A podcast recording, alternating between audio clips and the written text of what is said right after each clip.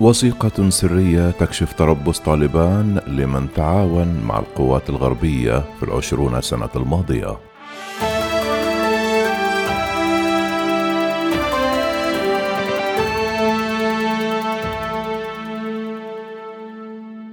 بالرغم من التطمينات والتصريحات العلنية لمسؤولي حركة طالبان التي سيطرت على معظم البلاد بعد أن دخلت العاصمة الأفغانية كابول الأحد الماضي يبدو أن الحركة وضعت قوائم سوداء لاعتقال وتصفية من تعاون مع القوات الغربية في البلاد خلال العشرون سنة الماضية.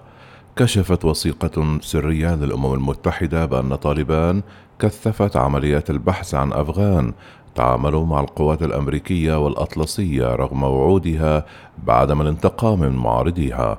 جاء في التقرير الذي وضعته مجموعة خبراء في تقييم المخاطر لحساب الأمم المتحدة بحسب ما نقلت وقالت فرانس بريس اليوم أن طالبان وضعت قوائم ذات أولوية للأفراد الذين تريد توقيفهم مشيرة إلى أن الأكثر عرضة للخطر هم الذين كانوا يشغلون مناصب مسؤولية في صفوف القوات المسلحة الأفغانية وقوات الشرطة ووحدات الاستخبارات. كما أوضح التقرير أن الحركة نفذت زيارات هادفة لمنازل الذين تريد توقيفهم ولمنازل أفراد عائلاتهم. كذلك كشف أن طالبان تدقق في هويات الأشخاص الراغبين في الوصول إلى مطار كابول وقد أقامت نقاط تفتيش في المدن الكبرى بما فيها العاصمة وجلال آباد. إلى ذلك أبدت طالبان بحسب ما كشفه التقرير السري بتجنيد مخبرين جدد على وجه السرعة للعمل لحساب نظامها كما بدأت بتوسيع قائمة أهدافها من خلال الاتصال بالمساجد. يشار إلى أن هذا التقرير أعده المركز النرويجي للتحليلات العالمية وهو منظمة ترفع تقارير استخبارات إلى وكالات الأمم المتحدة.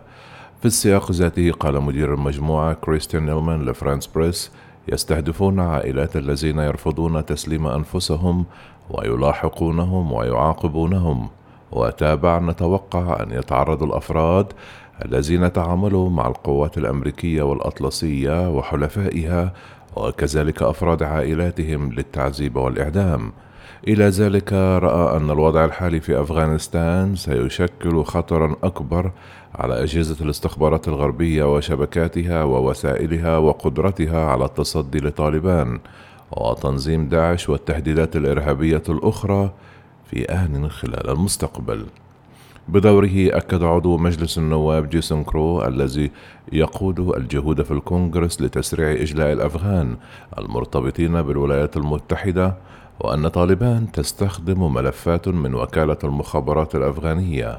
وذلك للتعرف على الأفغان الذين عملوا لصالح الولايات المتحدة وقال أنهم يكثفون بشكل ممنهج جهودهم للقبض على هؤلاء الأشخاص.